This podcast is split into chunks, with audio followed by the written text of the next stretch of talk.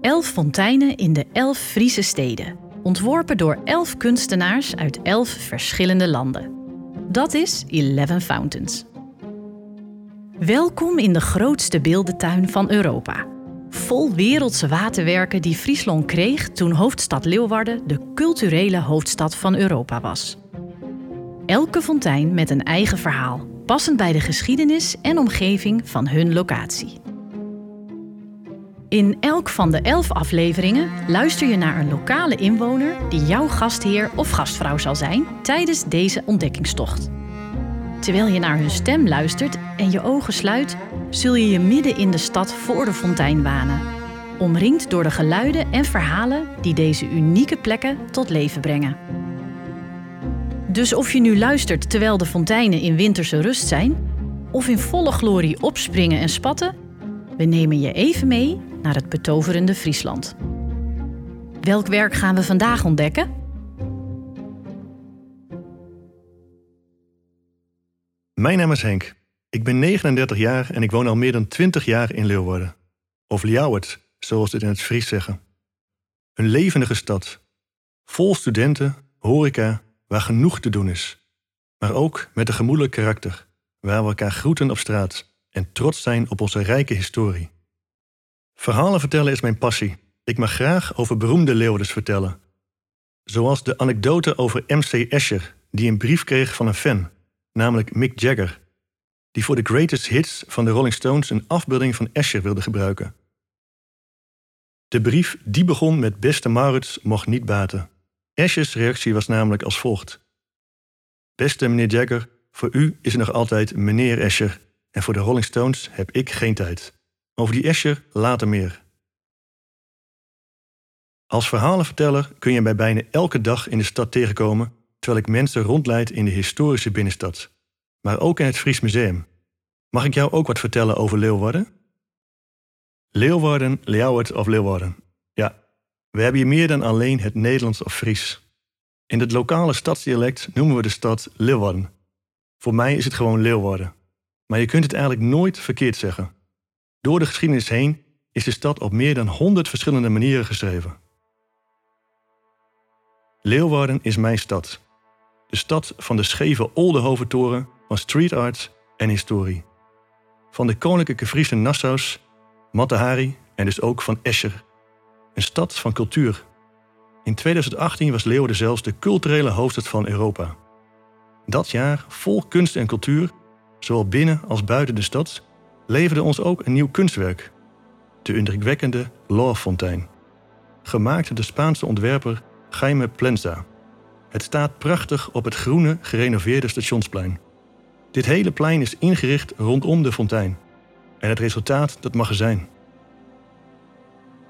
De fontein van Plenza bestaat uit twee kinderhoofden die tegenover elkaar op een platform staan. Ze maken gelijk indruk als je met de trein of bus in Leeuwarden aankoopt en de stad inloopt. Je kunt hem bijna niet niet zien. Stralend wit, mat en maar liefst 7 meter hoog. Het zijn een jongen en een meisje. Hij met kort haar en zij met het haar dat in een vlecht gebonden lijkt. De hoofden staan tegenover elkaar, maar kijken elkaar niet aan. Ze hebben de ogen dicht, heel ontspannen, alsof ze mediteren of met de ogen dicht van het leven genieten. De hoofden lijken van veraf perfect in verhouding. Maar als je eromheen loopt, zie je dat de beelden, net als veel werken van Plensa, vervormd zijn. Ze zijn in verhouding een heel stuk smaller en platter. Maar door de manier waarop het licht erop valt, zie je het bijna niet. Het beeld is zo indrukwekkend dat je bijna vergeet dat het een fontein is. Al mis je het water niet hoor, wanneer de fontein uitstaat. Het blijft een prachtig beeld en het hele jaar door wandelen mensen door het gras naar de kopjes om er even tussen te staan, zitten aaien of op de foto te gaan. Zie je het al voor je? Die witte hoofden daar in mijn stad? Stralend, groots en je kunt er ook nog tussendoor lopen ook. Waar zou het water dan langslopen in deze fontein? Je kunt er lang naar blijven zoeken. Want wat deze fontein zo waanzinnig bijzonder maakt, is dat er geen straaltje water aan te pas komt. De kinderkoppen staan in het gras, maar op een klein platform dat in de grond is weggewerkt. Deze fontein is namelijk geen fontein met waterstralen. Nee, deze fontein doet zijn naam op een heel andere en nieuwe manier eer aan. Het is namelijk een mistfontein. Tussen de tegels waar de hoofden op staan, kriebelt mist omhoog dat tot wel twee meter hoog de hoofden in de wolken lijkt te zetten. Al bedoelde Plensen dat er niet mee te zeggen. Hij raakte namelijk geïnspireerd door dauw. Dat was een fenomeen dat hij nog niet eerder had gezien. Hoe de wolken hier in Friesland over het gras kruipen. In Friesland komen de wolken uit de grond, zei hij daarover. Ja, zoiets had hij nog niet eerder gezien. Een mooi weetje, aangezien hij de hele wereld rondreist als gerenommeerd kunstenaar en fonteinontwerper en dus al best veel bijzonders heeft gezien. Hij is voornamelijk bekend van sculpturen van vrouwenhoofden, die vaak net een beetje uit verhouding zijn. Je ziet het alleen pas als je er omheen loopt. Je komt zijn werken over de hele wereld tegen, in beeldenparken zoals dat in Oslo, Michigan of Pistoia in Italië, maar ook op andere manieren in de publieke ruimte in steden als Madrid, Nice, Londen, Manchester, Toronto of Salzburg. De Speelse fontein in Chicago is misschien wel zijn meest bekende werk. Het is een fontein die via Instagram en TikTok de hele wereld overgaat. Een scherm zo hoog als een flatgebouw, met daarop steeds een ander gezicht van een inwoner van Chicago geprojecteerd. Het is zo getimed en ontworpen dat de mensen soms vriendelijk naar je lachen, maar je soms ook nat spuiten met een waterstraal uit hun mond. Mocht je in Leeuwarden ook op zoek zijn naar een fontein met waterstralen, dan hebben we die ook. Als je de stad inloopt, kom je vanzelf langs het Wilhelminaplein. Een plein dat een aantal jaren geleden volledig werd gerenoveerd. Zomers komen hier waterstralen uit de grond omhoog, waardoor er altijd wel wat kinderen gillend en kerend van lol doorheen rennen. Op dit plein staat ook het Fries Museum.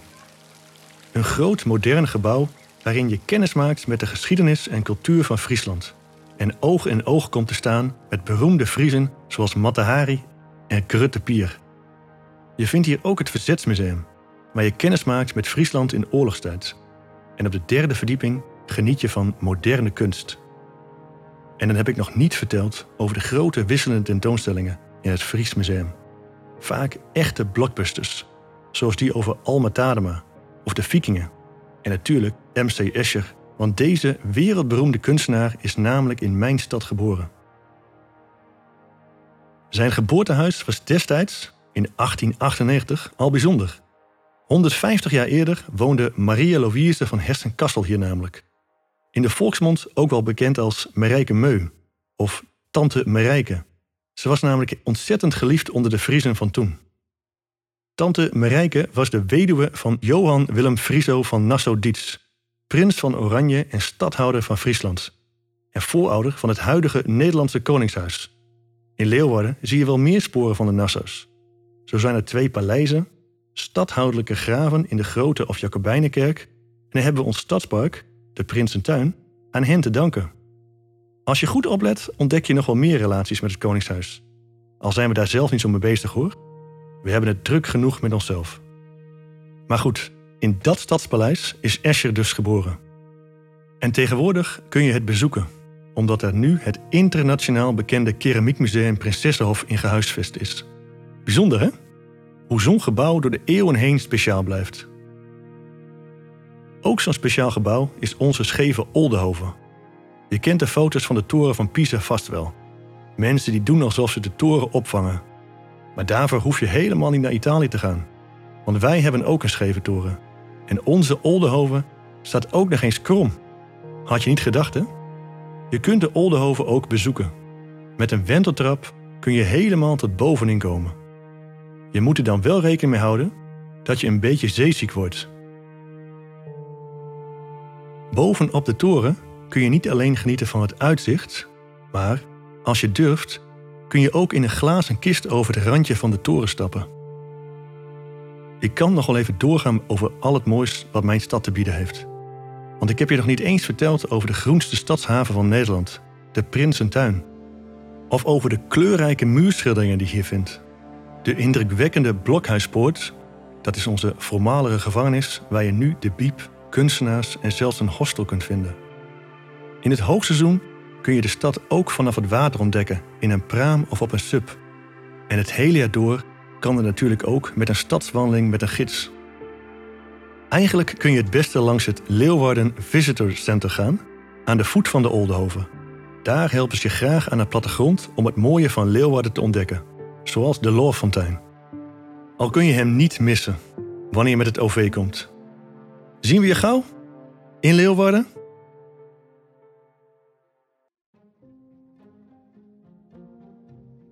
Genoten van dit verhaal? Mooi, want Friesland telt nog tien andere fonteinen. Luister daarom ook de andere afleveringen van deze podcast en ontdek de verhalen en fonteinen van de provincie. Klaar om je bezoek aan Friesland te boeken? Ga dan naar 11fountains.nl.